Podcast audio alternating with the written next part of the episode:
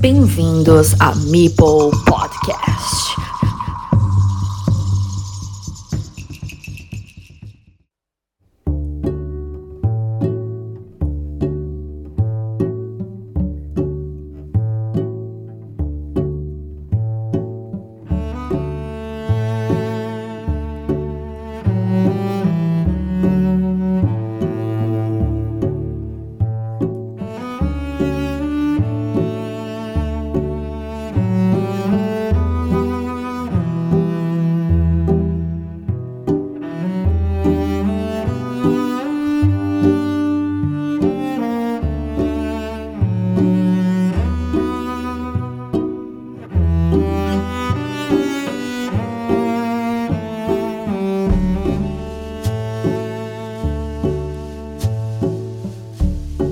Buenas tardes, estamos aquí en el rincón de Mipeldron nuevamente. Sorpresa, sorpresa, hoy lo hemos hecho por la tarde.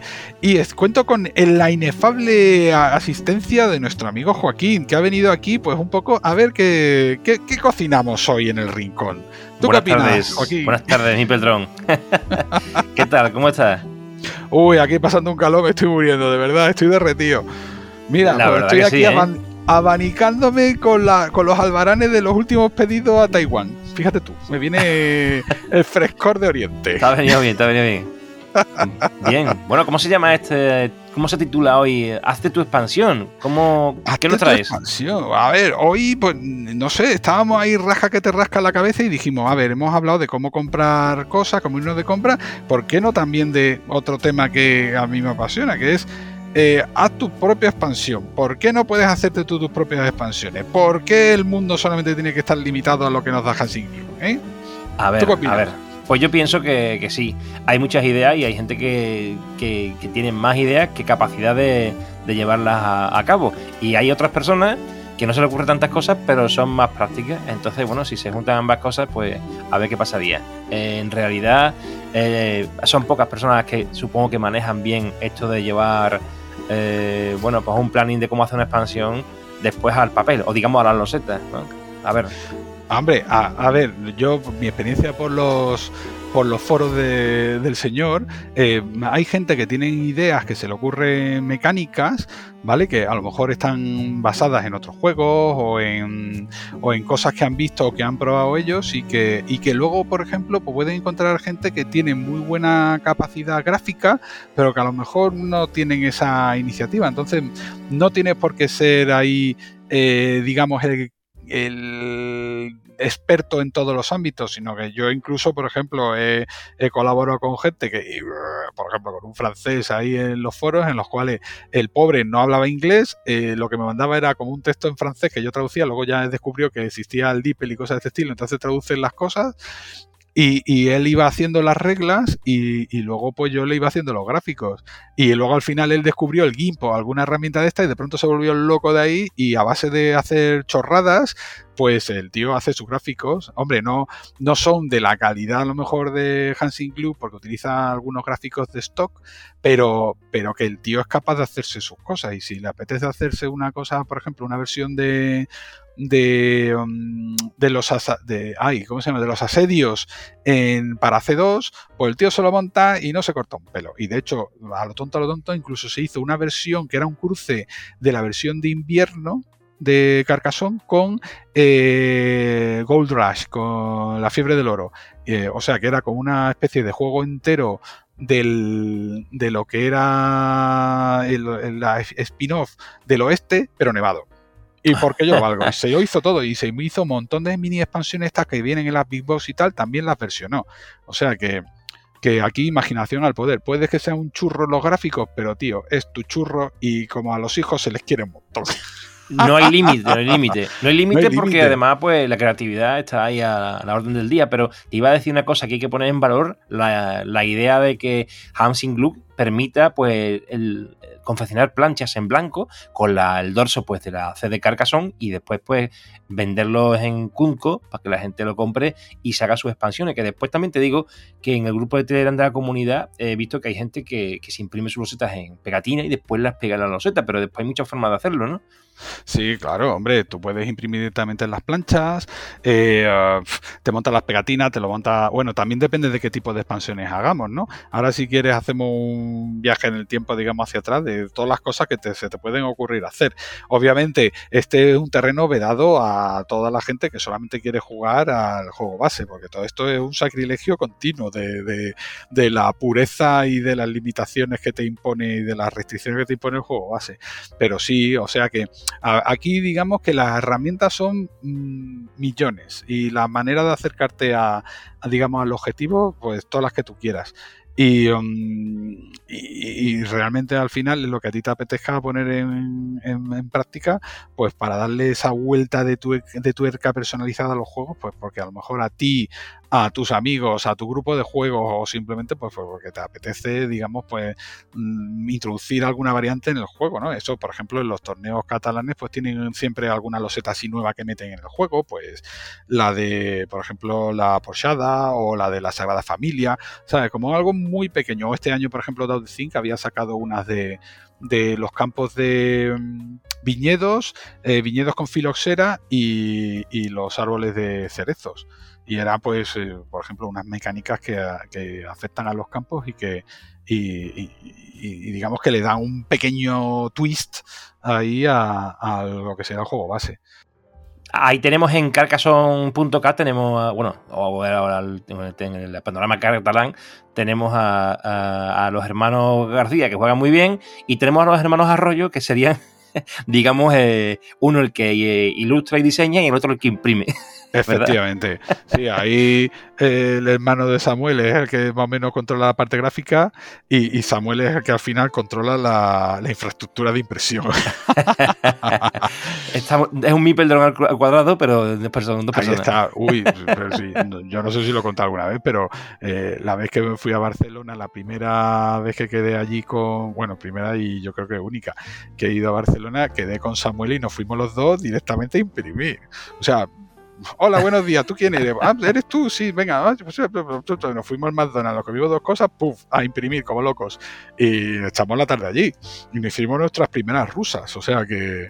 Uy, el McDonald's, cuando te escuche de sí, va a decir, bueno, otro vez el McDonald's. Claro. Pero es una tradición, si es que es lo que he dicho yo, que lo de ir a McDonald's antes de, de coger el tren de vuelta, eso es una tradición para mí. No sé. Eh, hombre, eh, ahí de sí lo que pasa, claro, que seguramente pues, con su nena y tal, pues irá más al McDonald's porque a los niños les gusta mucho, pero yo digo a mi mujer que me llevo voy al McDonald's me tira por la ventana. Bueno, antes de que nos ilustres con tu experiencia y conocimiento de cómo se hace una expansión y te escuche la audiencia, ¿no? Y digamos que, hablemos de algunas cositas más. Eh, hay una cosa que se me ocurre de preguntarte que sería eh, ¿cómo enfocarías respecto al contenido de la expansión, de las mecánicas y demás, cuando se trata de una expansión que vas a utilizar con el juego base o si es necesario que haya muchas losetas de por medio. Porque es una cosa que eh, a raíz de algo que vamos a comentar después se me ha ocurrido que a lo mejor es interesante porque la gente cuando piensa vamos a hacer una pequeña expansión, vale, pero esa expansión es para jugar solamente con el juego base, porque claro, después puedes hacer un mega, mega pero es que hay expansiones que con el juego base se quedan cortas, necesitan más tralla, más losetas, más, más cosas. Es que aquí todo va a depender. Eh, fíjate tú, eh, en el mundo de Carcassonne tú tienes expansiones de una churriloseta, como el, laberinto, que al final lo que quieres crear es una especie como de foco en el juego donde añadas un, cambio y que sea una cosa muy localizada. O puedes tener cosas como, por ejemplo, la princesa y el dragón, que es que eh, básicamente te, te revuelve todo el juego. Eh, entonces, em, ¿de qué depende el número de, los setas? Pues en, principio va a depender un poco de, la mecánica, de la complejidad o, del impacto que tiene que tener la mecánica en el juego, porque muchas veces pues, puede ser simplemente que eh, las losetas te sirven como activadores de determinadas eh, funcionalidades, o de determinados comportamientos o acciones y necesitas tener N para que aquello, digamos, se reparta a lo largo del juego. Em, te puede ocurrir, por ejemplo, que, a lo mejor las losetas lo que te incorporan son unos tipos de, configuraciones diferentes de losetas. Entonces, pues, eh, obviamente, si quieres que aquello tenga impacto en el juego, pues necesitarás tener un mínimo número. Eh, pues, hombre, mira tú la expansión 9, por ejemplo, que tienes ahí, pues, unas ciudades partidas. Eh, que tienen forma de triángulo, que al final es como un mazacote, pero realmente son dos triángulos separados que se tocan en un vértice. Entonces, de esas, por ejemplo, pues tienes dos, bueno, tienes tres o cuatro losetas de esas especiales simplemente por eh, el amor al arte, ¿no? Pero que eh, tú puedes hacerte expansiones, eh, por ejemplo, que añadan un nuevo tipo de, de helado Imaginaos, eh, por ejemplo, que quiero añadir montañas, o quiero añadir bosques, o quiero añadir eh, ríos, pues ahí tienes que añadir un montón. Eh, ¿Por qué? Pues porque añadir un nuevo lado, por ejemplo, de tener tres lados diferentes de los setas, que son 24 configuraciones, cuando metes un lado nuevo, pues son 70. Entonces necesitas hacer un montón de losetas para que no se te quede el tablero plagado de, huecos. Entonces, em, todo va a depender de cuál es tu objetivo y, realmente de las mecánicas. Obviamente, esto ya lo comentaremos un poquito más adelante. Eh, una cosa es cómo funcionan las cosas en tu cabeza, eh, que tienes una idea y dices, ostras, esto va a ser la bomba.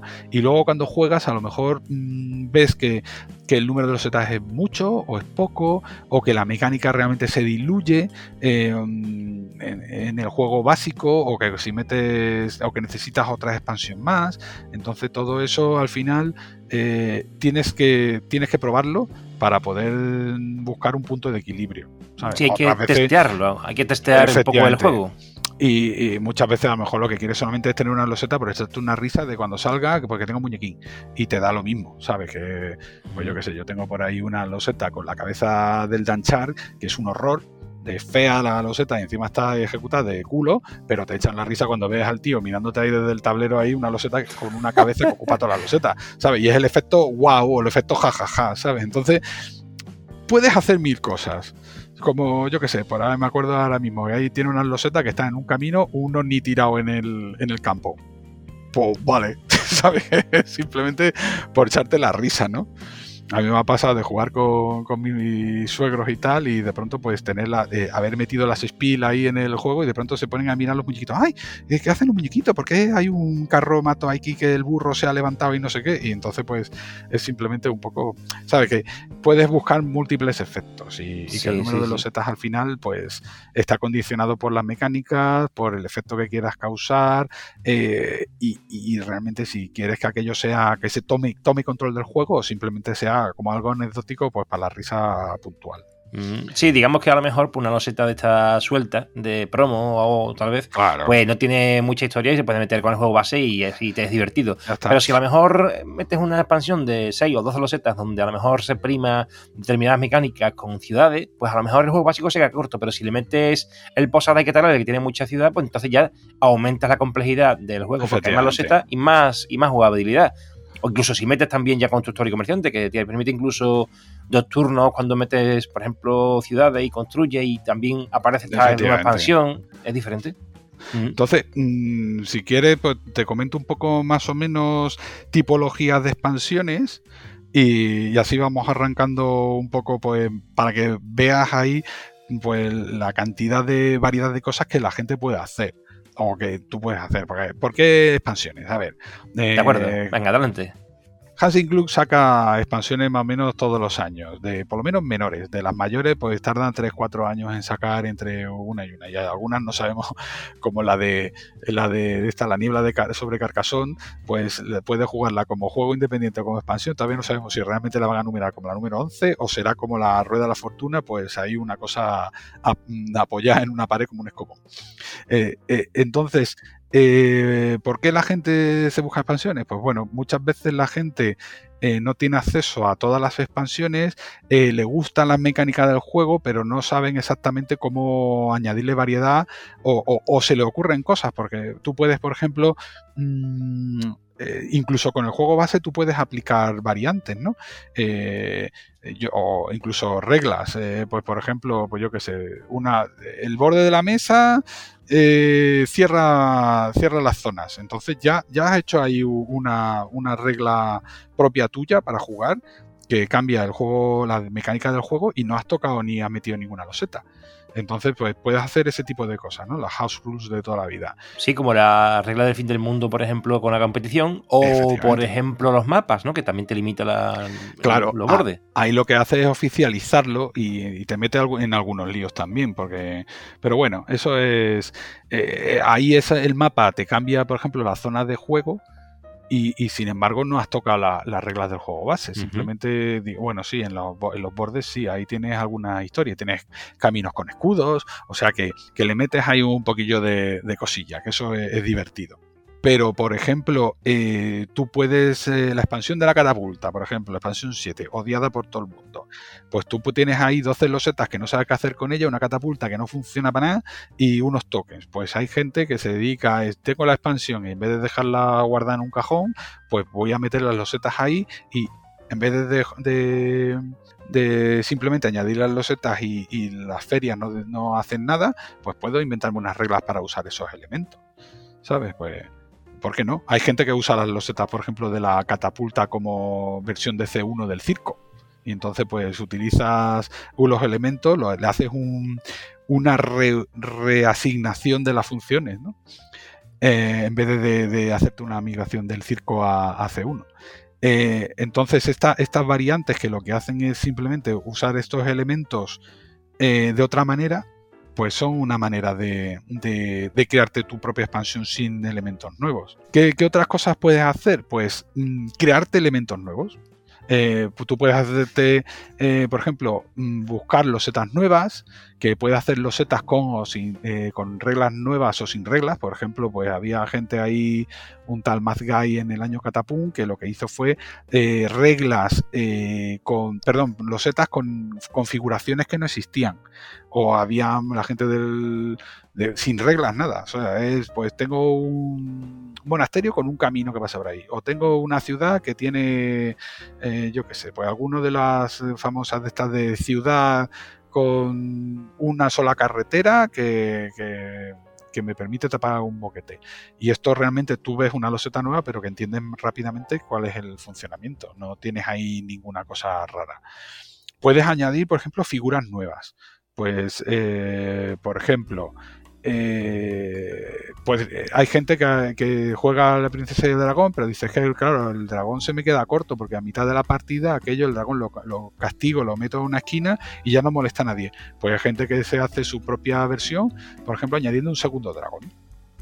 O, por ejemplo, eh, tienes expansiones donde añades, además de las losetas, que le metes reglas nuevas, le metes también figuras nuevas o tokens nuevos. Entonces tú digamos que tienes lo, digamos, el espectro de todo lo que tú quieras para eh, meterle al juego cosas.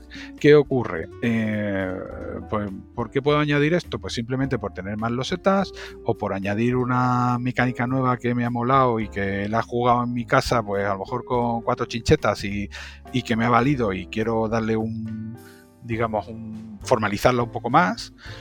Eh, o incluso porque tengo algún, imagínate, pues tema de Juego de Tronos. Pues la, todo el mundo se volvió loco con Juego de Tronos y todo el mundo empezaba a ver cómo podían, por ejemplo, combinar las eh, los setas de verano, ¿no? de primavera-verano de verde con la de nieve. Entonces eso eh, Hansi Klug no te lo va a hacer. Pues porque no lo puedo hacer yo. Y tener ahí, por ejemplo, un montón de, de pilas de los setas de invierno de verano y que pueda estar jugando, por ejemplo, pongo una barrera en medio que la permita combinar y, que pueda eh, hacer que el juego sea el doble de largo o incluso migrar expansiones que, solamente existen en la versión normal, llevármelas a invierno, que eso también ha habido un montón al respecto. Y em, o incluso, por ejemplo, volviéndome a, la catapulta, pues, eh, ojo, la gente no me gusta la catapulta, pero bueno, tengo cuatro tokens, ¿por qué no me invento un quinto para dar otra mecánica? Ya que estamos chalaos, pues le meto un token que me ayude a meter una quinta mecánica, pues lo hay, ¿sabes? Entonces, eh, como ves, eh, es que las motivaciones pueden ser, pues, mm, eh, siguiendo un tema, pues, eh, o siguiendo nuevos, nuevas configuraciones, o, o, simplemente, por ejemplo, configuras, hay gente que dice, eh, una, una ciudad solamente se puede cerrar con un trozo de ciudad, pero ¿y si pongo un trozo de madera que me permite, por ejemplo, como una muralla que me permite cerrar la ciudad y ponerle al lado un campo o un camino? Y eso lo puedes hacer con, un token o con una figura. Y, ese tipo de cosas, pues te las puedes tú inventar. ¿Por qué? Porque quiero experimentar. Hay gente eh, que hacen sus variaciones, las tienen puestas en la BGG o en el foro, en Carcassonne Central, y, hay mogollón de esas que son bastante económicas. O sea, no tienes que hacerte los setas. Pero pero bueno, más o menos esto te da una visión de, de, lo que se puede hacer. Y los meeples, no estoy diciendo de añadir más meeples, sino que te inventas tus propios meeples. Eh, y hay gente, pues, yo qué sé, pues de pronto quiero meter una figura de un conde, o del papa, o de cualquier cosa temática relacionada con, con Carcassonne. O me invento un rollo de un montón de losetas que lo que implemento son escenarios y, y escenas de, por ejemplo, inspiradas en escenas del Señor de los Anillos. Lo hay. O sea que ostras, me, me, dijiste antes, bueno, has dicho antes, has comentado lo de eh, dos dragones y me ha volado la cabeza porque digo, mm, la verdad que siempre se ha hablado de dos expansiones, por ejemplo, de juego básico, que no lo he jugado nunca porque serían 144 losetas y sabes que el límite está en el doble de cada tipo de loseta y bueno, habría que jugarlo, ¿no? Pero estaría chulo. Eh, pero claro, eh, pensar en dos dragones, digo yo, ostras, pues se podría poner dos expansiones del dragón y habría dos dragones danzando por ahí, sobre todo si juegas un mega carcasón, eso sería la hostia. Claro, pero aquí lo que tienes es, por ejemplo, la misma expansión de 30 losetas, pero añades un segundo dragón. Sí, sí, sí, la misma con dos y la hemos hecho con. Yo he hablado con gente que está en Carcassonne Spain, estuvimos viendo una expansión que, mm, que lo que hacía era que tenías un. Eh, había hecho como unas losetas que era el inicio, por ejemplo, de como un lago, y entonces tenía un dragón dentro del agua y un dragón fuera en tierra. Y entonces tú podías elegir si te era como un dragón marino, no sé qué, que se comía a la gente que estaba en la costa y el otro pues iba por ahí rulando. Y tenías islas y vamos, que hay eh, un montón de expansiones de montañas, de de lagos, de bosques, con todas las temáticas que te puedas imaginar de. Pero claro, casi todas estas en C1. Y eso ahí de vez en cuando se van convirtiendo a C2, porque el C1 tuvo mucho más recorrido en tiempo. Y mm, entonces pues tenía personajes infantiles, que si el Robin Hood, que eh, vamos, de por ejemplo, tienes expansiones que te permiten jugar con las losetas del río eh, eh, que están añadidas al juego y puedes crecer los ríos y tener ríos que pasan por ciudades y, cascadas y, y lo que se te ocurra. Eh, luego también tienes océanos, donde digamos que solamente tienes la costa, más los setas de solo río, que tienes encima barcos, o, los ríos también puedes navegar, bueno, bueno, bueno, bueno. O sea, o te dedicas a pescar en los ríos, o. Una pregunta, Héctor, según tu experiencia o el conocimiento que tienes sobre ese tipo de, de, diseños, donde hay los setas que no son ya solamente de, de campo, de ciudades, de camino, eh, en este caso, cuando mezclas, por ejemplo, cosas de agua y no tienes tampoco una gran variedad sobre el paisaje, no se ha llegado a implementar, digamos, eh, cuando sale, por ejemplo, una loseta de toda ciudad y no se puede ubicar, se descartaría. En este caso, cuando sale alguna así de todo agua, digamos, ¿no? donde ya se está hablando de un lago o de una larga cascada, y no aparece, se volvería a meter en el juego, que sería interesante, ¿no? Porque si no, al eliminar ese tipo de loseta, se va construyendo un poco la posibilidad de que se utilice esa expansión, ¿no? ¿Cómo lo harían? Claro, es que ahí generalmente, si no quieres tener infinitas losetas, lo que sueles hacer es que generalmente las partes de costa lo utilizas como una especie de... al principio del juego. O sea, tú te montas la línea de costa como si fuera el río, pero como una versión extendida. Entonces tú tienes eh, la línea de costa con el océano, lo vas montando por un lado y tienes ciertas reglas para, digamos, limitar cómo, cómo posicionas todas esas losetas. Y dentro de la costa, pues por ejemplo, tienes desembocaduras de río y a partir pues vas montando los ríos, vas montando la costa y una vez que ya has terminado con la costa, pues sueles tirar ya tierra adentro. Otra cosa es que tengas pilas separadas de, costa y de, tierra y que lo puedas y que las puedas ir combinando. Pero vamos, que esto depende de cómo tú lo quieras jugar. Una vez que ya has abierto ahí el, digamos, la espita, te puedes montar el Guirigay que quieras. Bueno, a ver, hay mucha gente que está pensando, dice, a ver, si yo tengo una idea para hacer una expansión, pero ¿cómo la llevo a cabo? A ver. Uh, bueno, primero lo, primero es ver qué, tipo de, de, cosa quieres hacer. Me refiero, de, eh, generalmente, eh, si tú lo que quieres es montar los setas simplemente con nuevas configuraciones sin más reglas, pues te pones a diseñar y se acabó. Si tú realmente lo que te apetece es montar alguna mecánica que se te ha ocurrido y que quieres probar, pues lo primero que tienes que hacer es pensar en, las reglas. Eh, las reglas un poco te van a dar la pista de de, cuántas losetas necesitas, qué mecanismos quieres arrancar, eh, digamos, cómo, cómo, quieres interactuar. ¿no? Las losetas son disparadores de acciones, las losetas simplemente son un paisaje, a lo mejor las mecánicas son en alternativa a poner un MIPEL, eh, o tienes unos tokens que tienes que robar o que usar, que tienes en tu stock, o sea que generalmente todo eso al principio tienes que tener una idea un poco de, de, qué, a dónde quieres ir. Y obviamente esto no es, digamos, una receta mágica. Generalmente a lo mejor eh, tú estás haciendo, estás diseñando algo, una loseta que quieres pintar o de, ah, pues yo quiero hacer una, imagínate, una loseta de la Giralda, porque yo lo valgo ya que estoy en Sevilla. Y entonces dice, ¿esto qué quiero hacerlo? ¿Solo, eh, eh, por ejemplo, y, hacerme una loseta que sea una, giralda y que ya está, ahí con la catedral? ¿O quiero involucrarla en una mecánica un poco más compleja que afecte, por ejemplo, a la ciudad, de, por ejemplo, donde puede estar la, la, giralda o quiero poner un muñeco que tenga que hacer algo en función de la giralda, algo que afecte solamente a un a una figura que afecta a todos los jugadores. Entonces hay que jugar un poco con esto y concretarlo y llevarlo un poco a una idea de reglas. Ahí lo más sencillo generalmente es intentar estructurar la idea de tal manera que siga la estructura de, digamos, o, cómo lo parte en las reglas la gente de Hansing Club, que te ayuda bastante a, afinar, ¿no? Qué cosas eh, ocurren durante la, colocación de una loseta, qué acciones se disparan o ocurren durante la colocación de los meeples, qué cosas afectaría, por ejemplo, la puntuación durante el juego al final del juego, si eh, generalmente es, eso te va a, te va a recoger eh, muchas de las casuísticas que, pueden ocurrir en el juego y te ayuda a estructurar lo que va antes, que va después, porque muchas veces puede ocurrir que una acción que ocurre durante la puntuación, imaginaos, pues cuando yo puntúo, si tengo aquí la giralda en la ciudad, pues me da tantos puntos.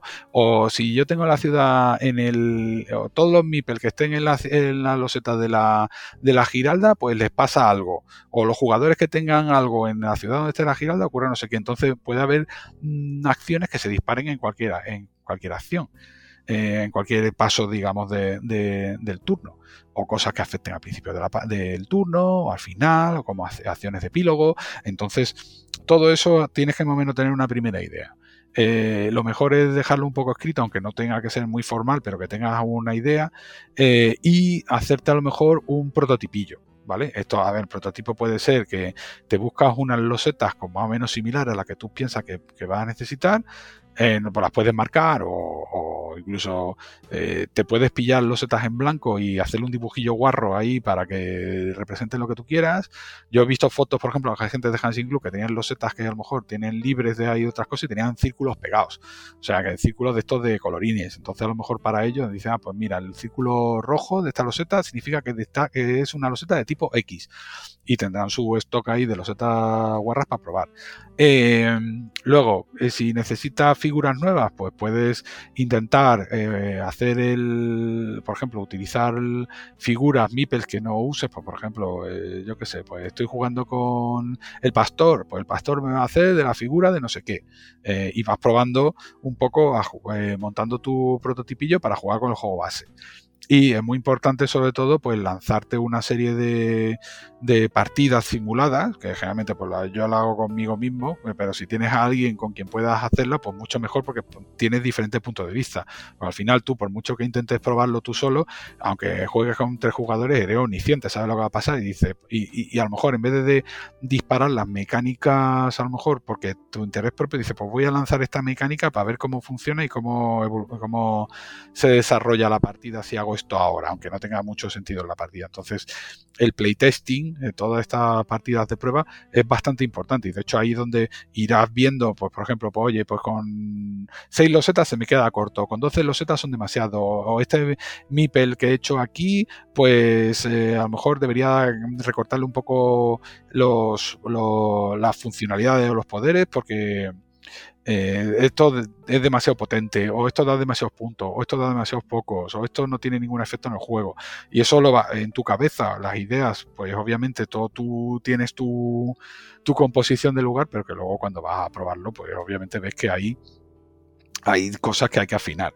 Eh, si eh, al final lo que quieres es más echarte una risa y, probar una expansión sencillita, ¿sabes? Pues en plan promo de una o dos losetas, pues tampoco tienes que darle mucho curro. La gente de Hans incluso pueden tirar meses depurando estas cosas porque obviamente esto... Mm, eh, tiene mucha tiene mucha mucho impacto en el juego por ejemplo y si la expansión se te va de las manos pues al final la gente va a decir menos churro em, y luego obviamente esto es iterativo es un proceso de hago las reglas hago unas playtesting veo los resultados vuelvo a tocar las reglas y más o menos hasta que te quedes satisfecho. Em, obviamente también otra otro lado otra, otro tema son las, losetas cuando las tengas que terminar, ¿vale? Eh, entonces, pues generalmente, pues bueno, con Photoshop o lo que sea, pues puedes partir ahí de, de material que tienes de escaneando tus losetas o, o, por ejemplo, yo generalmente lo que estoy usando es un material que, que sacaron, un listado de losetas que usaron la gente de, de Viramérica, lo publicaron y que tienen unas imágenes a 300 puntos por pulgada, que es un regalo caído del cielo. Entonces tienes el mismo material.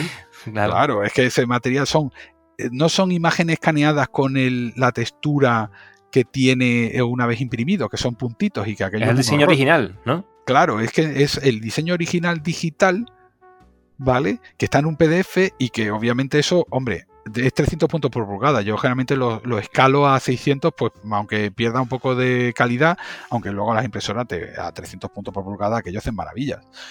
Pero que, te permiten, eh, eh, digamos, jugar con material base, porque si no, luego hay que hacer unos truquis, porque muchas veces si tú te llevas un trozo escaneado y lo mandas a la impresora, de pronto tú en el Photoshop o en el GRIMP o en la aplicación que hayas usado gráfica no ves nada, pero de pronto en la impresora te empiezan a aparecer un efecto moiré, así como que te aparecen tramas de punto y tú, ¿y esto? ¿De dónde ha salido? Entonces tienes que hacer algunos ajustes de, difuminar las imágenes para que esos puntos se minimice el efecto y, cuando tú lo imprimas no no se note mucho. ¿Sabes? Porque si no te, van a hacer esos efectos y estás viendo la loseta y vamos, te sangran las córneas. Hablando de efecto, este es el efecto de la experiencia. Aunque sí te digo que la mayoría de la gente que se lanza a hacer este tipo de, expansiones propias, supongo que esta parte del diseño será algo complicado, pero bueno, habría quien se le dé bien. Pero después está la parte de la impresión que será bastante más complicada, porque claro, ¿dónde te encuentras una impresora que realmente te imprima este tipo de losetas? Es complicado. Claro, pero a ver, yo he hecho de todo. Bueno, eh, eh, puedes imprimírtelas en papel adhesivo luego y, pegarlas en las losetas en blanco en losetas que tengas por ahí más para probar. Eh, puedes mandarla a una imprenta que, tenga una, imprenta, una impresora de estas de bandeja rígida como las de las que utilizas para imprimir carcasas y esta, si tiene a bien que te hagan caso, pues te puedes imprimir ahí incluso planchas completas de las que venden en, en Cunco. Tienes que alinearte tú tus losetas a tus imágenes en las losetas para conseguirlo, pero vamos, yo ahí generalmente pues primero te montas ahí un prototipillo guarro para probar la idea y una vez que lo tengas listo, pues puedes llevarte a, imprimir. Obviamente siempre la expansión en, en Carcassonne y los y, somos testigos, generalmente son 6 losetas o múltiplos de 6, 6, 12, 24, algunas son raras que tengan 10 o 20, pero que, o 30, ¿no? Pero que generalmente eh, eh, suele tener, el 6 es un número mágico en Carcassonne, porque al final en el juego base como mucho vas a tener 6 em, jugadores. Y entonces pues eh, generalmente puedes tener más, ¿no? Pero que eh, generalmente piensa en, en juegos de, de uno contra uno, que solo que generalmente las mecánicas van a funcionar de una manera, pero piensa que generalmente vas a tener partidas 3, 4 y como excepcionalmente 5 o 6. Entonces, cuando pruebes todo esto y primero las reglas y luego también las losetas, el número de losetas, pues va a depender un poco de esto. Hay que pensar que si tú, por ejemplo, las losetas eh, disparan un mecanismo eh, una acción X, pues tienes que pensar en que mm, todos los jugadores tengan la probabilidad de que al menos les toque una vez, si tienes seis jugadores. Porque si pues, es como, como diría yo, pues eh, si imaginaos, eh, yo estoy en una partida donde, como los monasterios, hay seis monasterios en el juego base, y es por esta razón. Si yo, te, por ejemplo, estoy jugando y me toca la mala pata de que no, eh, somos cuatro jugadores y a uno le tocan todos los monasterios o todas las losetas a que lanza una acción X y a los demás nada, pues la expansión la está jugando uno solo. O sea, hombre, tiene la mala pata de que puede ocurrir. Mm. Pero que ese tipo de cosas al final tú en tu cabeza generalmente piensas en cuál igual el mecanismo, pero tienes que, ver que tienes que repartir un poco por el número de los setas, cómo estén eh, la distribución que tengas y tal, pues que todos los jugadores tengan la capacidad de, bien mm, disparar esa acción o bien que le involucre eh, la acción aunque no le haya tocado a los setas. ¿Sabes? Al final, Te, aunque me salta un poco el tema de, pintar los setas a, las mecánicas, pero que tú generalmente tienes que pensar un poco en conjunto de los diferentes tamaños de partidas y luego que más o menos la expansión pues involucre a todos los jugadores de alguna manera u otra, ¿no? Claro. Eh, Hablaba del diseño, ¿no? Claro, eh, bueno, el diseño por un lado, pero sobre todo el número, ¿no? Al final en, la parte de, tú imagínate, ah, pues eh, me hago una loseta que el que le, toque la loseta, pues gana 10 puntos. Pues en la partida va a haber un único jugador que le va a tocar los 10 puntos, los demás se van a quedar mirando. Bueno, y también es una cosa de logística, ¿no? Una cuestión de logística, porque si, se supone que la, plancha tiene 12 losetas, pues coño, ¿qué vas a hacer con dos que te sobran? No tiene sentido. Ya que las imprimes o le vas a sacar jugo, pues, oye, si haces 6, pues haces una plancha de 12 que tenga dos expansiones de 6 o una de 12 o si son 24, pues utiliza dos planchas, pero siempre son múltiplos, como tú dices, de 6 o de 12. O, siempre tiene que haber ahí un juego para que cuando imprimas la loseta, imprimas pues una expansión si es de 12 o dos expansiones si es de 6. No tiene sentido que haga una de 10, porque la otra dos losetas que haces con ella la tiras. no tiene mm, sentido. Hombre, siempre puedes hacer lo siguiente. Eh, o te haces expansiones mini, o, por ejemplo, imagínate la expansión 2 la eh, constructor y comerciante. Realmente la, la, la, expansión son 20 losetas, las otras 4 están de relleno tienes 20, losetas de ciudad con símbolos de mercancía y las otras cuatro pues te han puesto ahí un puente con un no sé qué, un, ¿sabes? Que, como que ah, se nota que ahí es como, ostras, tenemos que redondear a 24 y ¿qué hago? Pues me invento losetas con configuraciones nuevas, que eso también es bastante resultón. O sea, muchas veces tú cuando estás jugando en el juego base ya sabes que loseta con una ciudad y con un lado de ciudad y un solo camino o dos lados de ciudad y un camino, mm, ahí es bloqueo. Pues te puede hacer expansiones que, por ejemplo, te puedan llenar esos huecos eh, con más configuraciones, que te ocurre con la expansión 1, con la expansión 2, con Rey y Ladrón, cosas de este estilo. Y entonces, pues la expansión no solamente tiene por qué, a lo mejor puede implementarte mecánicas nuevas, pero ayudarte a llenar esos huecos. Entonces eso siempre se agradece. O mm, configuraciones que ya existen, pues darle alguna vuelta porque la conectividad de campo es diferente, la conectividad de ciudad es diferente y eso también, aunque no sea propio de la mecánica de la expansión, pero siempre te puede ayudar a, hacer otro tipo de, comportamientos o de, de, estrategias en el juego, ¿no?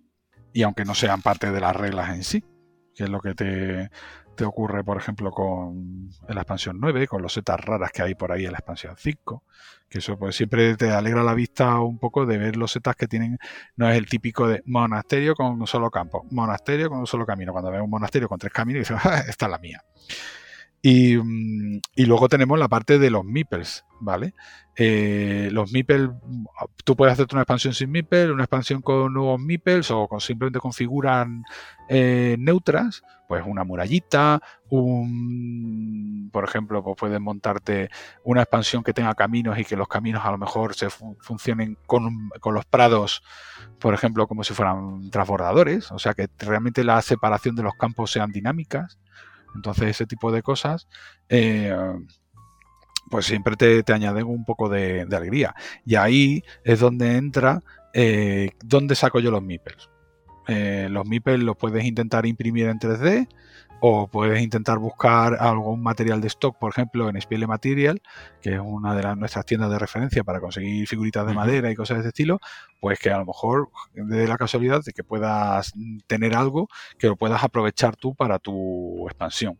Entonces, eh, generalmente yo ahí en esos casos, si tienes un token o algo, pues puede ir recurrida a usar cubitos de madera que son bastante fáciles de localizar y si no, pues algo más especializado. Digamos que las planchas del Kunko eh, son esenciales porque, claro, el dorso tiene que llevar a C, si no, mm, la distinguiría, pero la ilustración que lleva por delante, la cara vista, digamos, pues puede ser una pegatina, puedes dibujarla, aunque ahí ya sería más raro, pero habrá gente que le guste, y, o puedes imprimirla y los componentes pues los puedes localizar en sitios donde ya existan esos componentes o fabricarlos, como tú dices, en 3D o buscar la manera simplemente de, de reutilizar otros que haya dándole otra función simplemente. Efectivamente. Ahí lo mismo que hace para el prototipo, pues te puede montar una expansión que dice, pues usa para esto el MIPEL de, yo qué sé, de... Um, pues del, de, por ejemplo, de Gold Rush, pues que tienes ahí unos tíos, unos vaqueros, pues eh, ahora va a ser el sheriff de Nottingham, va a ser un muñeco de esos y, ya está. Entonces, pues incluso puedes usar cosas que tengas de otras spin-off y le haces un, cambio de uso para incorporarlo al juego de Carcassonne base. Mm, y bueno, y si lo quieres profesionalizar un poco más, no sé si querías hablar algo más de eso, pero si ya te sabes un poco más o menos las reglas eh, has conseguido hacer la ilustración, lo has llevado a efectos de que en las planchas de en blanco pues lo has impreso o las, o las pegatinas, tienes algún componente incluso o has impreso en 3D, es decir, tienes ya más o menos todo y has hecho un playtesting, la idea ahora de llevar a una plantilla de reglas para profesionalizarlo, que digamos que ya lo puedes incluso imprimir las reglas o puedes poner en internet por si alguien la quiere descargar. ¿Cómo se hace eso?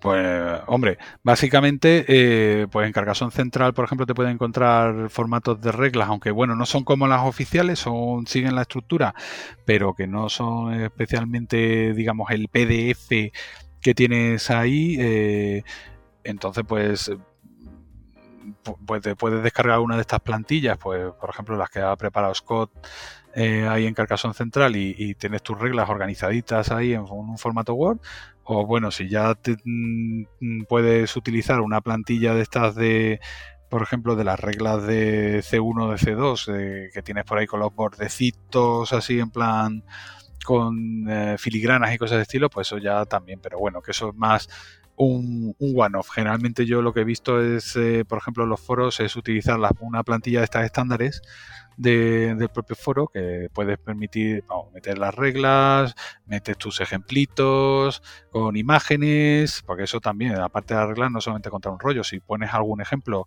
que ayude a entender un poco las mecánicas y los, sobre todo los casos especiales, pues eso está bastante bien. Incluso en la, en la propia plantilla puedes poner las losetas para imprimir para que si tú eh, si tú te descargas las reglas, porque pues te puedas preparar tus losetitas ahí, pues eso, con papel adhesivo sobre una loseta en blanco o de estas que tengas ya machacadas del año catapum que las quieras reusar, o, imprimir en, en losetas Mm, en blanco. Lo que único que pasa es que, bueno, que generalmente las, expansiones estas te suelen dar las losetas ahí en una página y no vienen, digamos, organizadas para que puedas imprimir directamente en una plancha. Eso también tiene su, su encaje. Y, y, generalmente, pues bueno, los PDFs, salvo que te la hayan bajado de resolución, puede que que te vengan las, las losetas a 300 puntos por pulgadas, pero de estas de las expansiones antiguas que te pueden encontrar en los foros, pues estarían a lo mejor a 72 y te quedan un poco menos definidas. Pero para el caso, si tú lo que quieres probar es una mecánica y, jugar con ello y ver cómo va, pues vamos, más contento que, que unas pascuas. Claro, yo también comentaba lo de las plantillas de reglas, porque al final también esto es una labor de diseño, lo que acabas de, comentar, ¿no? De los ejemplos. Al final no solamente se trata de coger la plantilla que, por ejemplo, hizo Scott, como tú has comentado, y que está colgado en Carcassonne Central, y eh, escribas ahí las, reglas, después le des una vuelta o la revise y todo, sino que además eh, el hecho de diseñar y encajar pues esos ejemplos con los propios losetas que se han utilizado para imprimir, y poner los meeples y todo eso, pues también es una, labor de, de diseño gráfico, básicamente. Sí, de, diseño gráfico, hombre, los ejemplos, yo fíjate tú, yo los ejemplos los monto generalmente, tengo imágenes que he pillado de, de los propios diseños de las losetas o incluso de últimamente, pues del fichero este famoso de Viraméricas y con esto me monto, extraigo las imágenes eh, con Photoshop y luego los ejemplos los monto en PowerPoint que luego lo vuelvo a pasar a los pego como una imagen en las reglas y por ejemplo si hay flechas o hay meeples que hay que cambiar de sitio pues es mucho más fácil montarlo en Photoshop que perdón en, PowerPoint que llevártelo al Photoshop ahí mm, con el pixel para arriba pixel para abajo Sí, como los quiz, ¿no? Que, que montas para los domingos, ¿no? Eh, hombre, los quiz de los domingos son fotos pero que los son fotos en la mesa de, ahí del comedor de mi casa. Sí, sí, sí.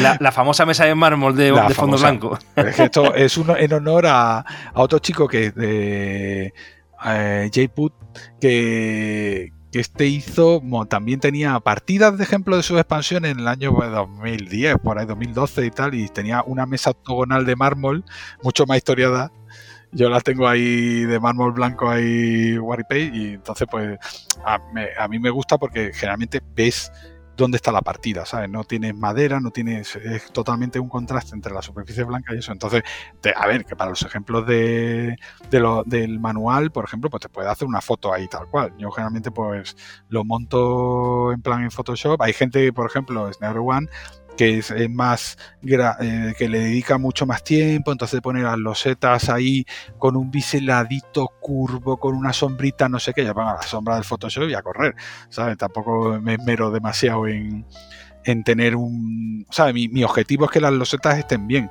el manual pues te puede acompañar, pero como tampoco estoy, bueno, y también te pillan los manuales de Hansing Glue y cada uno de su padre, de su madre, no son muy homogéneos en estilo de si los muñecos tienen sombra, si no tienen sombra, si los resaltas con un halo de color blanco o no, si la loseta que pones última está marcada en rojo o no, si la loseta que pones la pone en flecha, si lo que estás viendo es la posición inicial del movimiento, la posición final. O sea, ahí dentro de la elaboración del, manual de reglas también tiene su historia. Porque mm, el problema cuando escribe las reglas es que tienes que ser súper conciso contar lo que necesitas, los casos, generalmente cuentas primero lo general y luego vas a los casos particulares. Y los ejemplos, muchas veces, si te fijas en las reglas, mm, lo que hacen es reforzar lo que dicen las reglas o incluso muchas veces añaden a explicaciones a lo que dicen las reglas. Y de esto, esto, muchos, se nota mucho, por ejemplo, en, en algunas expansiones donde donde eh, generalmente a lo mejor los ejemplos son un poco flojos y no se quedan las cosas claras, como por ejemplo estoy pensando ahora mismo en las en las atalayas, por ejemplo, que los ejemplos son para cortarle la cabeza a ellos. Y, y, qué ocurre? Que si muchas veces intentas ilustrar un ejemplo demasiado genérico, la gente se pierde. Entonces, eh, el problema que tenemos nosotros, o la ventaja que tenemos más bien con las expansiones de fan, es que podemos escribir 18 páginas si queremos. Pero si hace las reglas demasiado largas, la gente no las va a leer. Entonces lo mejor es hacer algo súper corto, súper claro, con un buen ejemplo que te ilustre todo lo que puedas para romper ambigüedades y, también eh, en el proceso de depuración de las reglas que muchas veces pues tú las escribes y tal, las lees, las lees 10.000 veces y, a lo mejor tienes 7.000 errores ahí ortográficos que a lo mejor porque tú ya no estás leyendo lo que pone el papel, sino lo que está en tu cabeza. Entonces eh, conviene que muchas veces las reglas te las revise otra persona que no está condicionado por lo que tú has escrito. Entonces, el, yo generalmente para el tema de de depuración de manuales de reglas y cosas de estilo, está muy bien que, otra persona te haga ahí las correcciones, las galeradas. Sí, por eso a lo mejor una expansión no es conveniente que la haga una persona solo. Primero porque es muy difícil que alguien sepa, eh, bueno, ocurrírsele una idea puede ocurrírsele, pero cuatro ojos ven más que dos. Y claro, al final uno dice, oye, pero si haces esto, total, que la mecánica la podía ir variando, habiendo dos personas que al menos en un pequeño mini equipo, y después hay otro que se le da bien el diseño, otro que eh, eh, puede confeccionar mejor las reglas, el otro que se da mejor no sé qué, en fin, que es mejor hacerlo en equipo que no uno solo, que es más complicado. Y es mucho más divertido. Nosotros hay en Carcassonne Central algunas expansiones. Mira, por ejemplo, ahora mismo en Carcassonne Central hay el francés, este que te digo que no habla ni papa de inglés. El tío se le ocurre de pronto y dice, buenos días, acabo de, acaba de ocurrir una expansión que se llama Ding Dong y esto es verídico, y es un monasterio churro con una campana ahí horrorosa que ha pillado de un, diagrama de stock y dice, esto lo que, lo que hace es que cuando ponga la loseta todo el mundo puede retirar un mipel de un monasterio. Se acabó la expansión. Una loseta. Y entonces, pues, eh, de pronto uno, ay, pues eh, resulta que ha puesto unas ha puesto ding dong en la loseta, a mí no me gusta así, me gustaría más ponerlo para acá. Eh, y entonces al final yo hay gente que le puso, por ejemplo, el ding dong lo quitó, yo le, uno dijo, es que en vez de poner las campanas en lo alto del monasterio flotando, yo las pondría en un logotipo como en un óvalo como la princesa y el dragón. Entonces yo, por ejemplo, cogí la loseta esa, me llevé Photoshop, le quité el ding dong ahí que estaba flotando y que era horroroso y le puse la campana en el óvalo. Luego el francés me escribió, oye, ¿me puedes enviar eh, el dibujo del óvalo? Entonces le envié el dibujo del óvalo y le envié también la campana que le había añadido un bordecito un poco más gordo para que fuera más homogéneo con lo gráfico porque tenía, la campana tenía unos unas líneas muy finas. Eh, luego resulta que empezaron a hablar entre ellos, oye, pero esto cuando dice, porque claro, en francés, el problema de las reglas en francés es que eh, en las reglas francesas los monasterios se llaman abadías. O sea, en el juego base viene con seis abadías. Y la abadía de la expansión 5 la llaman monasterio. O sea, están intercambiados los términos. Entonces, claro, todo el mundo se estaba haciendo ahí un lío que te mueres. Porque, claro, cuando decía, pero esto solamente para abadías, y si no juego con abadías, cuando aplico esto? Y entonces yo les dije, perdonad, pero me, reí, jajaja. Ja, ja. Eh, creo que estamos todos metidos en el lío porque eh, Bones, el Pierre Antoine, está hablando de, los monasterios del juego base, pero todo el mundo está, ¿sabe? Pero no sabéis la, historia que hay detrás de que se llaman abadía en el juego base en francés. Entonces, bla, bla, bla. Entonces lo expliqué. Y entonces está todo el mundo ahí, gente que está opinando de los gráficos. Wolnik, por ejemplo, propuso poner unas ondas sonoras ahí alrededor de no sé qué. La gente dijo, ah, pues no me gusta, no sé qué. Y esto ha sido totalmente algo mm, orgánico y que de hecho sigue la discusión ahí, no sé cómo habrá ido el tema, pero uno ha aportado gráfico, otro ha opinado, de las reglas, eh, le han preguntado, pero esto afecta a todos los monasterios, entonces esta mañana me parece que el francés había respondido, sí, sí, todos los monasterios, pero ya se ha coscado de mi comentario, entonces ya ha dicho sí, todos los monasterios, no ha dicho sí, todas las abadías. Entonces, hay muchas cosas que se pierden en, eh, traducción, en la traducción, en los in translation, ¿no? Porque tiene el, el galés, no, perdón, era el escocés, el francés, el eslovaco, el señorito de España y alguno más por ahí despistado y todo el mundo opinando y al final es súper divertido porque todo el mundo aporta su granito de arena. Y, es una loseta chorra, pero que tú dices, joder, qué idea más guay, tío, que pongas una loseta que te permita quitar todos los tíos atascados en monasterios. Y entonces, una única loseta, pero que afecta a todos los jugadores. Y la única cosa es si eso te ocurre al principio de la partida o al final de la partida. ¿Sabes? Entonces, pues, mm, mira qué fantástico. Y está ahí todo el mundo emocionado con el ding de las narices. Oye, que digo yo que las reglas que pasan de 10 páginas no sale nadie, pero los podcasts que pasan de una hora me parece a mí que tampoco lo, escucha mucha gente. Así que vamos a, tener, que ir amenizando. Claro, es que este es el rincón. Estás perdido en el rincón. Estamos aquí rascando las telarañas de la esquina. ya, ya, ya. Bueno, a, a ver, la cosa importante que podamos también finalizar sobre esto de acto de expansión? No sé si hemos hablado de todo o falta algún recoveco más. No, yo creo que hemos tocado un poco todos los temas. no sé si, si queremos hablar de algún caso práctico. Bueno, pues eh, adelante, venga, muéstranos o, o ilústranos. Pues nada, yo aquí a Joaquín le propuse hace unos meses un reto. Y dije, oye, ¿por qué no hacer una expansión de fan que involucrase pues el mundo de correos y, de los carteros. Y ahí se quedó Joaquín con la tarea ahí, con el come come, con el run run. ¿Y, qué pasó, Joaquín? ¿Qué pasó? Bueno, de fondo, digamos que, esa idea que. O sea, tú fuiste el promotor, ¿eh? Antes de nada. Pero es verdad que esa idea me ronroneaba la cabeza. Pero claro, tenía otras cosas y, y un día te dije, oye, vamos a hacer esto ya. Y nada, ¿cómo, cómo creo que hemos llamado al final a la, expansión? El cartero de Carcasón. no ha tenido mucha motivación por modificar el nombre, pero bueno, digamos que hace un poco alusión al, trabajo de divulgación, a la página web o a, la propia persona de, bueno, de este acto de divulgativo, ¿no? Y entonces, pues, es divertido, oye, pues, cartero. a mí se me ocurrió inicialmente, Héctor, que tú lo sabes, la idea de, oye, si vamos a hacer algo del cartero, pues tiene que haber un Mipel que sea cartero. Esto es una curiosidad. Y después la idea de las losetas, pues supongo que buzones, oficinas postales, pero bueno, para hacerlo a, dúo, como lo vamos a hacer, porque al final eh, somos los coautores de esta expansión, eh, ve también haciendo algún comentario tú sobre ello, al respecto. ¿Cómo, cómo fue fluyendo? Pues adivina, adivinanza. Llegamos ahí, eh, básicamente eh, la idea era esa de, mm, oye, se me ha ocurrido, eh, se me ha ocurrido que tendríamos que hacer la expansión, meter oficinas de correos, deberíamos tener buzones, la figura del cartero y, y total, que, mm, que llega, tenías una serie de ideas que pusiste ahí en, en un mensaje así, bueno, un documento que me pasaste por trozos por por Telegram Mm, y, entonces, pues bueno, yo lo, metimos ahí como una, bueno, lo separamos, digamos, como una serie de fases para adaptarlos a la secuencia del juego.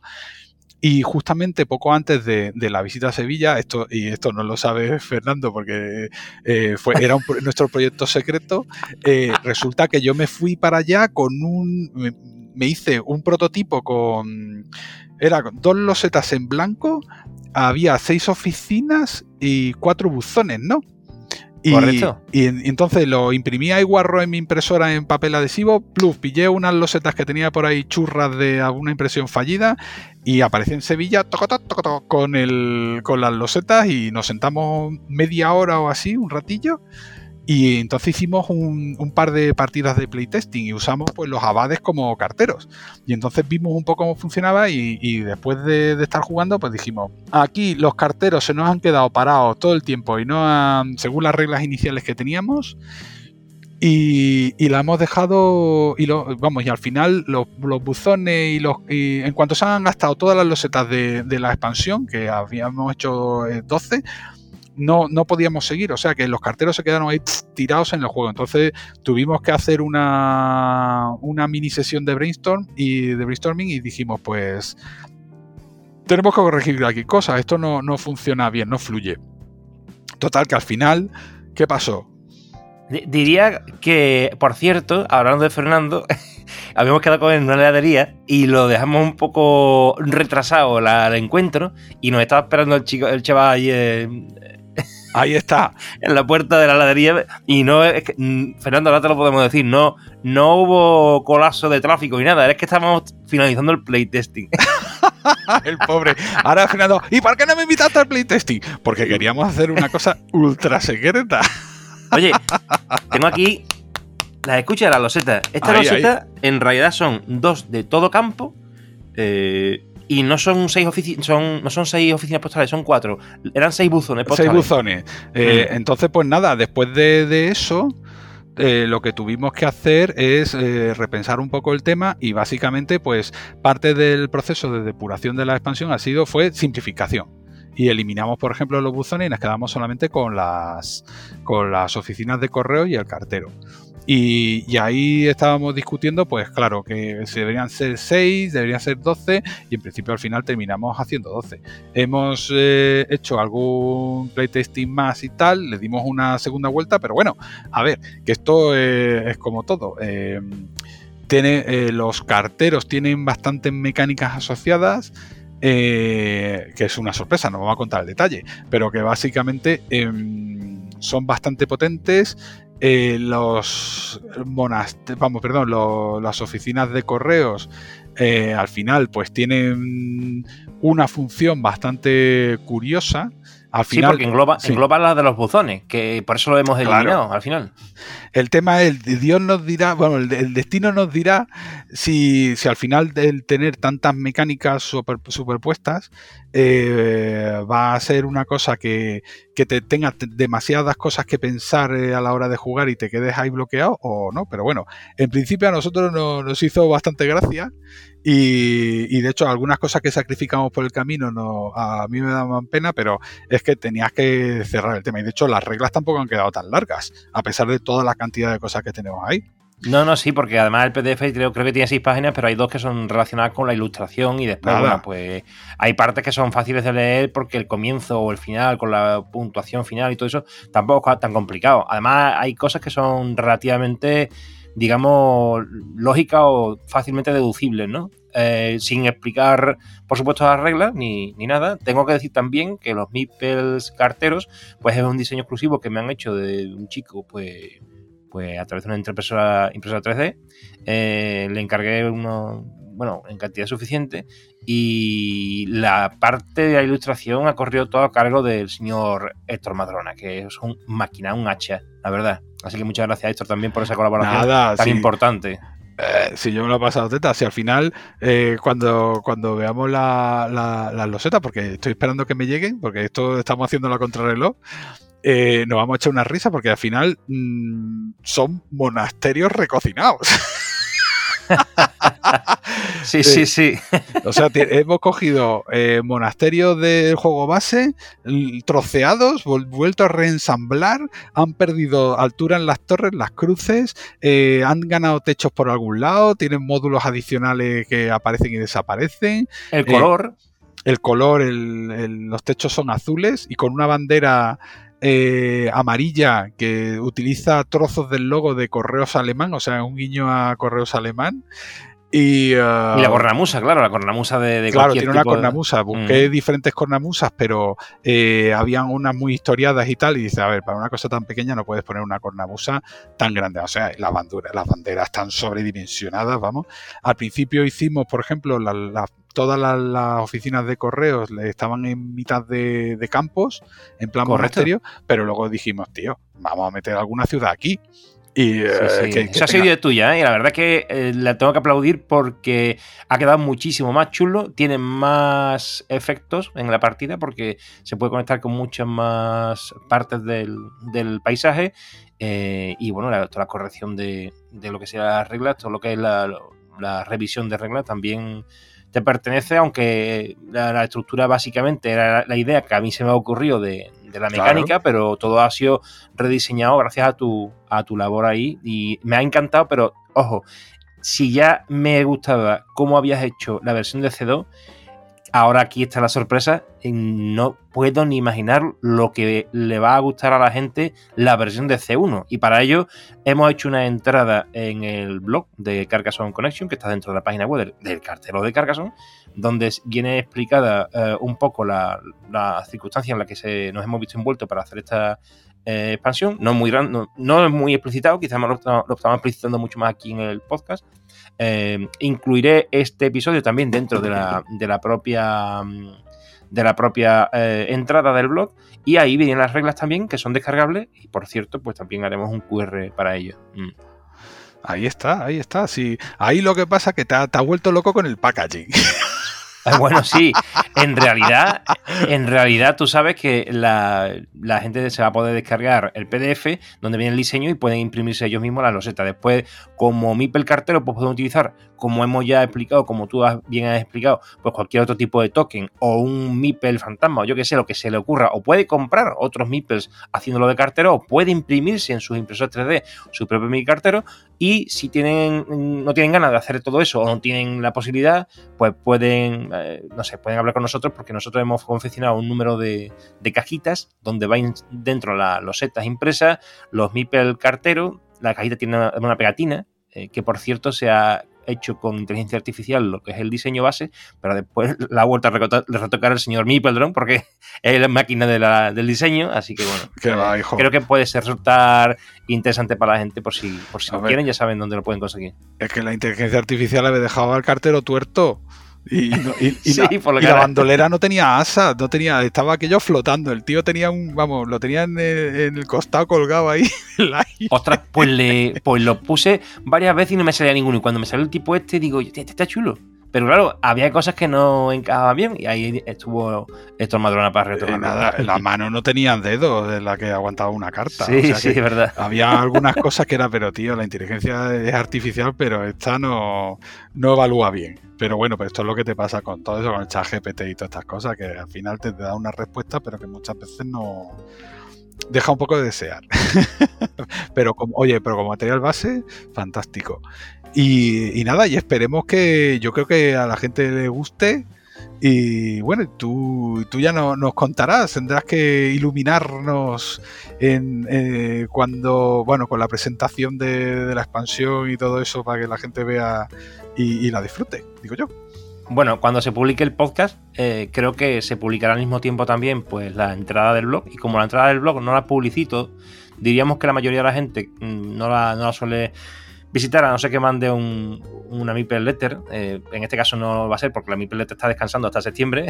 Pero bueno, eh, al poner el podcast supongo que la gente ya lo sabrá. Y, supongo que la, en algún momento lo pondremos en la parte de expansiones para que la gente lo sepa, eh, alguna foto y cuando la gente pregunte qué es esto, pues ya iremos revelándolo. Pero eso será con posterioridad al podcast para que la gente pues tenga la oportunidad de escuchar este, este audio tan bonito por si a alguien le interesa hacerse su propia expansión, cómo fluye. Así que. Ahí está, y nada, que esto trabajo en equipo es mucho más divertido. A todo el mundo se le ocurre algo eh, y se pueden combinar diferentes capacidades. Hay gente que, que lo tiene súper claro de lo que quiere representar, otros eh, se les da mejor a lo mejor redactar reglas, otros eh, hacer la parte del pintamonas y, y sobre todo cuando yo cuando he visto, bueno, esta me lo he pasado teta contigo haciendo esta y mira, no sé qué, pa, porque encima es pum, venga, mira, toma, te mando 12 losetas, ¿con cuáles nos quedamos? Bueno, porque ahí hemos elegido 12, pero yo en el kit que en el PSD donde tenía montado todo es que tenía opciones para montar, pero tropecientas versiones. pero había que quedarse con 12 y que fuera un poco variadito, ¿no? Pero aunque son muy mono, muy centradas, por ejemplo, las losetas en en la oficina de correos, pero que luego las configuraciones, pues intentando buscar configuraciones que no existan en el juego base para que al final la loseta pues tenga esa ciudad con ese camino que se quedaría bloqueado, o sea, pero no hemos intentado tampoco rellenar todos los huecos, pero intentando jugar un poco con eso, ¿no? Bueno, yo creo que la gente va a resultar divertido y la gente además va a hacer el playtesting eh, a grosso modo mm, que nosotros no hemos hecho porque hemos hecho muy poco, así que eh, habrá supongo alguna modificación si vemos que hay algo que no funciona, pero vamos, básicamente va a ser muy divertido porque la funcionalidad del Mipel cartero es múltiple y las losetas permiten hacer muchas cosas, así que yo creo que va a ser divertido. Y, y bueno, la ilustración de C1, macho, me ha enamorado. Después de haber visto la inicial que hicisteis con C2, ya te digo, lo ins insisto, a la gente de C1 le va a encantar eh, la ilustración que has hecho. Se ¿Sí? nota que además tienes mano y que te gusta también. Pero vamos, eh, hombre, la de C1 los monasterios tienen menos variedad porque los de C2 sí que se han molestado, pero en, en tener varios, varios tipos de monasterios. Pero hombre, también estaba limitado un poco a, lo, a, lo, a las dos versiones de monasterio que tienes en el, en el chismeste, en el, el documento de Debir, pero la de C1 es un único monasterio ahí que le recorta la torre. para que y, y, le he cambiado alguna cosilla. Pero hombre, han quedado los techos ahí, quedaron un poco lilas al principio y luego los corregí, le, le, cambié un poco el color antes de imprimir. Entonces, pues nada, veremos a ver cómo ha quedado. Yo estoy ahí emocionado. ¡Uy! bueno, a ver si, si lo recibe con, con ánimo y con ganas, supongo que sí. Que bueno, pues te toca despedir. Pues nada, pues muchas gracias Joaquín por arrincar, arrimar el hombro aquí al rincón de mi peldrón y haber participado en esta locura. Gracias a ti siempre por, por ser como eres, por, por también por este espacio que nos brindas también y por la uh, gran eh, coautoría de, de, esta pedazo de expansión que seguramente le va a encantar a la gente. Anda, que nos hemos hecho unas risas, pero buenas. la verdad que Fernando, sí. se va a cagar en nuestras muelas. Eh, ha sido divertido y el día de que viste a Sevilla, la verdad que también, porque no se me va a olvidar la cara de Fernando cuando decía, oiga, ¿dónde estáis metido? Que llevo aquí un rato esperando en la puerta de la heladería. Claro. La verdad que el helado eh, nos sentó estupendamente. ¿eh? Ya te digo. Ahora a Fernando, no sé, ¿tú crees que a Fernando le habría gustado participar en el lío este? Seguro, seguro, claro, claro. Con todo lo que lleva a su espalda, vamos, ya es lo que le faltaba. Eh, También. Te podría haber hecho un Mipel ahí cartero de este, como el Mipel de la bandera de España. Bueno, bueno. todo se puede hacer. Todo ¿Tú sabes que se puede hacer todo? se puede hacer. Muy bien. Pues nada, señor, pues buenas tardes y que usted lo disfrute mucho. Y nos vemos en nada, nos vemos en nada. Eso me Venga, Chao, pues un muchas abrazo. gracias. Gracias. Venga, gracias a ti. Bye, bye.